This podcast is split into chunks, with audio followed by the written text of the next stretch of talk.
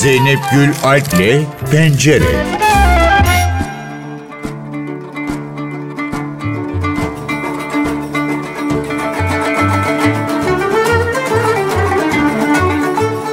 Bir perde üzerinde birbiriyle atışan, birbirlerini hiç anlamayan ama hep bir şeyler anlatan iki karakter, bir gelenek, bir kültürel zenginlik Hacivat'la Karagöz. 2009 yılında UNESCO somut olmayan kültürel mirası temsili listesine Karagöz'ü de ekledi ve Karagöz'ün artık bir dünya mirası olduğu deklare edildi. Şimdi de bu kültürel miras öğretmenlere öğretiliyor ve nesilden nesile sürdürülmesi amaçlanıyor. Biz de bu çalışmayı yürüten Karagöz ve Kukla Oyunları Uygulama Araştırma Merkezi Müdürü ve Uludağ Üniversitesi Güzel Sanatlar Fakültesi Sahne Sanatları Bölümü öğretim üyesi Doçent Doktor İbrahim Öztahtalı ile konuşacağız. Hoş geldiniz NTV Radyo'ya. Merhaba, hoş bulduk. Bütün dinleyicilerimize güzel bir gün diliyorum. Öğretmenlere yönelik bir eğitim çalışması olduğundan bahsettik. Hem bu eğitimleri hem de hedeflerinizi soracağım ama önce Karagöz ve Acıvat geleneğinden bahsedelim biraz. Biz genelde Ramazan aylarında sıklıkla karşılaşırız Hacivat Karagöz gösterileriyle ama Türk kültüründeki yeri ve çıkış noktası nasıl bize anlatır mısınız? Aslına baktığımızda ışığın olduğu her yerde gölge var biliyorsunuz. Ve insanoğlu ışığın olduğu her yerde gördüğü bu gölgeyi kendi gölgesini kullanarak ona bir can verdi. Ve bu canlardan biri de Bursa'dan doğan Karagöz oldu. Dolayısıyla bütün dünyada gölge oyunu olarak bilinen oyunların tamamının temelinde bir gölgeleme sistemi kullanılıyor. Karagöz her ne kadar 1517 Ridaniye seferiyle Mısır'dan Anadolu'ya geldiği rivayet edilse de aslında Türk kültürünün çok köklü ve geçmiş bir sanatıdır. Çünkü daha Orta Asya'dayken Uygurlar döneminde özellikle Pazırık kurganındaki kazılarda çıkan apliklerden anlaşıldığına göre eski Türklerde de Orta Asya'da da bir gölge oyunu geleneği var. Evet. Şimdi aslında birçok sanat dalına bakıldığında temel olabilecek bir boyutta olduğunu da söyleyebiliriz. Değil mi? Evet. Tiyatronun, müzikallerin belki sinemanın, gölge oyunu olduğu için sinemanın. Çok doğru. E, bu açıdan baktığımızda ne söylersiniz? Aslında bugün günümüz sinemasının temeli de Karagöz'e dayalıdır. Özellikle Osmanlı döneminde İstanbul'a Avrupa ülkelerinden gelen çok sayıda seyyah var. Ve bu seyyahların İstanbul'a geldiklerinde ilk görmek istedikleri şeylerden birisi Karagöz'dür. Çünkü Avrupa'da Karagöz Türk tiyatrosu olarak bilinir. Yani Avrupa'da Türk tiyatrosu denildiğinde akla Karagöz gelir. Karagöz'ün o göstermeci yapısı, teknik özellikleri aslında sinemanın da temelini oluşturmuştur. Dolayısıyla Karagöz sadece Türkiye'de, sadece Osmanlı coğrafyasında değil, gayrimüslim coğrafyada da çok yakından takip edilen bir sanattır. Ve bizim geleneksel sanatlarımız arasında en çok beğenilen, bilinen ve izlenen sanatlar arasında. Aslında doğaçlamaya dayalı bir tür mü yoksa yazılı bir metin üzerinden mi gidiyor ve bu işe koyulan herkes bunu başarabiliyor mu? Bunu da merak ettim. Evet, 2022'de Karakum olarak bir belgesele imza attık. Türkiye'de ilk defa yapılan bir belgeseldi ve perdenin arkasındaki Karagöz adıyla vizyona girdi. Bu belgeselin temel konusu tam da dediğiniz gibi perdenin arkasındaki o tek kişilik prodüksiyonu anlatmaktı. Çünkü hayali Karagöz ustası, Karagöz oynatıcısı aslında tek başına perdenin arkasında herkesi canlandıran, herkesin sesi olan, herkesi oynatan bir başrol oyuncusudur. Ama perdenin arkasındadır. Dolayısıyla aslında çok ciddi, çok meşakkatli, çok ağır bir sorumluluktur perdenin arkasında. Çünkü o bütünlüğü sürdürmeniz, perdeye giren her tipin sesine uygun bir seslendirme yapmanız, aynı zamanda perdeye giren bütün tipleri oynatmanız çok ciddi bir iş. Dolayısıyla gerçekten ciddi bir istidada, ciddi bir yeteneğe ihtiyaç var. O yüzden herkesin Karagöz olması çok mümkün değil gibi görünüyor. Çünkü iyi bir ses eğitiminden de geçmiş olmanız lazım Karagöz oynatabilmeniz için. Biz aynı zamanda bu önemli kültürün gelecek kuşaklara aktarılabilmesi için yeni hayaliler de yetiştirmeye çalışıyoruz. Şimdi o çalışmalardan biraz bahsedelim. Bu merkezde öğretmenlere eğitimler veriyorsunuz değil mi? Nasıl çıktı bu fikir Evet. ve nasıl geçiyor o dersler? Neler anlatılıyor öğretmenlere ve eğitimde kullanıyor mu öğretmenler bunu? Sonuç alabiliyorlar mı? Bunu da dinlemek isteriz. Hani şöyle düşünmek lazım. Aslında karagöz oynatmak işin içerisine girdiğinizde ya da o karagözün kendi içindeki o zengin atmosferine girdiğinizde inanılmaz büyüleyici bir tarafı var. Hani biz oyunlarda Türkçe konuştuğumuz halde Türkçe bilmeyen insanların da Karagöz izlerken ne kadar etkilendiklerini görüyoruz. Çünkü Karagöz oyununda bir alıp verme dengesi var. Bir soluma var aslında, bir enerji var. Hani perdenin arkasındaki Karagöz yani hayali oyunu oynatırken aslında perdenin önünde onu izleyenlerle doğrudan bir bağ kurar, enerjisel bir bağ.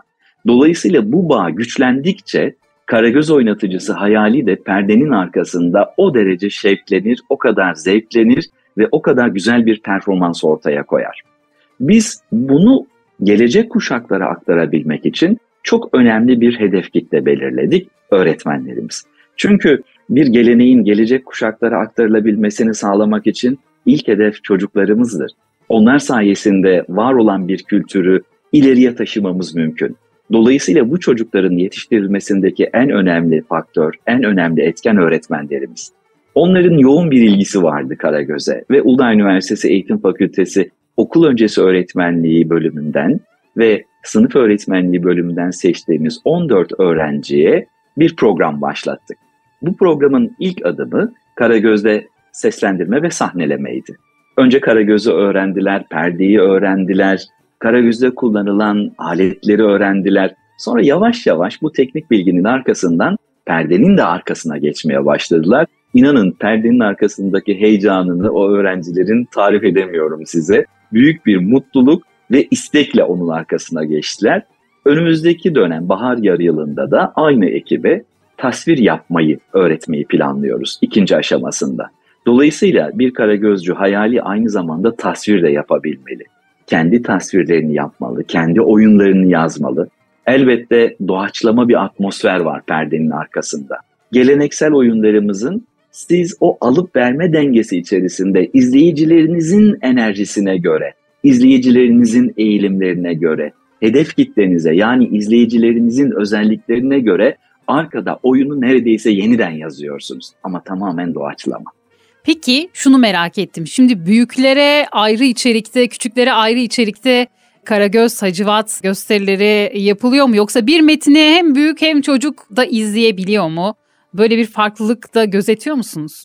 Elbette. Çünkü sonuçta çocuklara formasyon açısından farklı bir atmosferde verilmesi gerekiyor oyunun. Yani çocuk oyunlarıyla yetişkin oyunları birbirinden ayrılır. Sonuçta hedef kitleniz karşınızda perdenin önünde çocuklar varsa onların bakış açısına uygun, onların literatürüne, bilişsel düzeylerine ve aynı zamanda pedagojik olarak onlara uygun oyunlar oynamak zorundasınız. Hayali bunun farkında olduğu için perdenin arkasında önündeki çocukların ruhlarına dokunabilecek bir uyarlama yapar. Bir atmosfer oluşturur. Örneğin biz 6 Şubat depreminden kısa bir süre sonra bütün deprem bölgesini ekibimizle birlikte dolaştık. Bir karavanla deprem bölgesindeki çocuk çadırlarında özellikle Aile ve Sosyal İşler Bakanlığı'nın ve Milli Eğitim Bakanlığımızın oluşturduğu etkinlik çadırlarında çocuklarımıza önce okuma ile ilgili, okuma kültürüyle ilgili küçük bir söyleşi yapıp arkasından da perdemizde çocukların o travmatik durumlarını biraz azaltabilecek, onları biraz gülümsetebilecek, gülümsetirken düşündürebilecek oyunlar oynayarak onların atmosferlerine girmeye çalıştık. Dolayısıyla da Karagöz'de esas olan şey perdenin önündeki toplulukla perdenin arkasındaki hayalinin kurduğu iletişimdir. O iletişim oyunun serüvenini de, oyunun içeriğindeki gelişmeyi de, ilerleyişi de belirleyen en önemli etkendir. Peki şimdi şunu da sormak isterim. Hacivat Karagöz oyunlarının metinleri yüzyıllara dayanan bir gelenek. Hazır metinler var mı yoksa yeni metinler mi üretiliyor her oyun için farklı? Bunu da merak ettim. Tabii Osmanlı döneminden, geçmişten günümüze kalan oyun metinleri var elbette. Ama Karagöz de sonuçta yaşadığı çağ yani günümüze uyum sağlamak zorunda bir anlamda. Dolayısıyla insanların bakış açıları değişiyor. Biliyorsunuz çok önemli bir evrensel ana fikirdir bu. Hayata bakış yaşla birlikte değişiyor. Hayata bakış içinde bulunduğumuz bu son derece hızlı gelişmeler içinde de değişiyor. Dolayısıyla Karagöz'ün de perdede diğer tip arkadaşlarıyla birlikte çağa ayak uydurması gerekiyor. O yüzden yeni oyunlar yazılıyor. Örneğin biz yine Hayali Nevzat Çiftçi ustamızın atölye liderliğinde yeni oyunlar da yazıyoruz. Bu oyunların içeriğinde elbette biraz modernize edilmiş, çağımıza uygun önemli ayrıntılar da var. Çünkü insanların beklentileri, çocukların beklentileri de oyunda. Şöyle düşünün, hani çocukları esir alan çok önemli bir kavram var günümüzde, dijitalizm. Evet. Çocukların o dijitalizmin etkisinden kurtulup da Karagöz perdesinin önüne geldiklerinde beklentileri de farklı oluyor elbette. O beklentilere uygun yeni oyunlar yazılıyor. Şu an aşağı yukarı Türkiye'de yüzden fazla hayali var. Bugün yetişmiş usta niteliğinde. Ve bu hayalilerin hepsi ülkemizin farklı coğrafyalarında Karagöz'ü insanlara anlatmaya, Karagöz'le insanları düşündürmeye çalışan çok önemli bir çaba içindeler. Hepsini ayrı ayrı kutlamak gerekir. Çok teşekkür ederiz bize vakit ayırdığınız için. Umarım ben çok teşekkür ilerleyen ediyorum. zamanlarda yine yeni çalışmalarla birlikte oluruz. Teşekkür ediyorum. Pencerede bu hafta Acıvat Karagöz kültürünü konuştuk. Konuğumuz Karagöz ve Kukla Oyunları Uygulama Araştırma Merkezi Müdürü Doçent Doktor İbrahim Öztahtalı'ydı. Etkinlik turuyla devam edelim. Pencere, Tanıtayım ben kendimi. Erdal Tay benim adım. Merhaba ben Ece Tay. 12 senedir evliyiz. O flörtü de sayıyor da 9 yıl. Evlilik bir ödün verme sanatı. Evlilik ölü yatırım. Sezonun beklenen komedi filmlerinden Erdal'la Ece vizyona girdi. Şahan Gökbakar'ın Seda Türkmen'le birlikte başrollerini paylaştığı filmde günümüz evlilik ilişkilerinde sıkça rastlanan acı tatlı çatışmalar, ilişkideki iniş çıkışlar komik ve eğlenceli bir dille gözler önüne seriliyor. Togan Gökbakar'ın yönetmenliğini üstlendiği filmde otosanayide kuzeni Oğuz'la birlikte araç kaplama ve modifiye işleriyle uğraşan Erdal'la kurumsal bir şirkette yönetici olarak çalışan Ece'nin evliliği mercek altına alınıyor. Biliyorsun Barış. Sen onlardan farklısın. Bakışlar hep üzerinde olacak.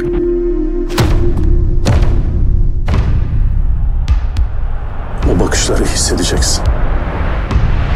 Barış, Barış sol kanattan ilerliyor. Barış topu çizgiye kadar getirdi. Barış.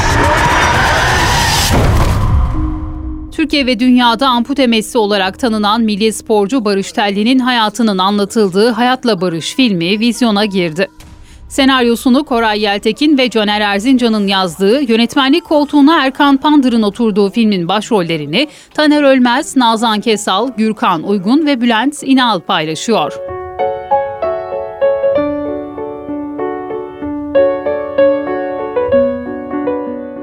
Besteleri milyonlarca kişi tarafından dinlenen dünyaca ünlü piyanist Evgeni Grinko, Türkiye turnesinin son durağında Zorlu PSM Türksel sahnesinde olmaya hazırlanıyor.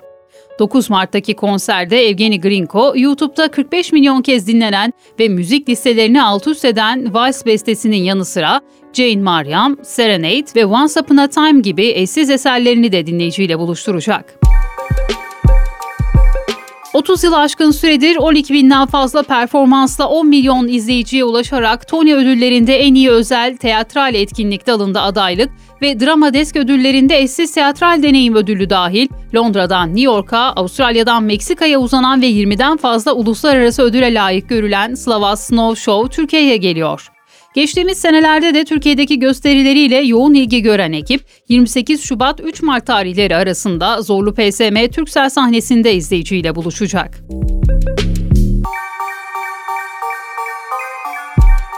Geçtiğimiz yıllarda Seni Seviyorum Anne, Masumiyet, İyi Geceler Bebeğim ve Yuvaya Dönüş isimli sergileriyle büyük beğeni toplayan Çin'i mürekkebi ustası Pınar Tınç, yeni sergisiyle sanatseverlerle buluşuyor.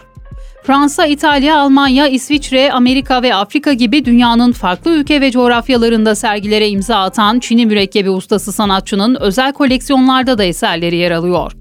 Pınar Tınç'ın yeni sergisi Jötem Seni Seviyorum 28 Şubat'a dek Teşvikiye'deki Maji Art Galeri'de görülebilir. Mutfak meraklılarına ise online bir etkinlik duyurumuz var. Yeme içme dünyasına ilgi duyanlar Bol Kepçe Mahallesi'nde buluşuyor. Festivalde aralarında Serra Yılmaz, Aylin Öneytan, Maksut Aşkar, Hülya Ekşigil'in de bulunduğu o dünyanın yıldızlarıyla buluşup esnaf sohbetlerine dahil olabilirsiniz. Katılmak isteyenler 25 Şubat'a kadar gaterin.life adresi üzerinden platforma üye olabilir. Pencereden bu haftalık bu kadar.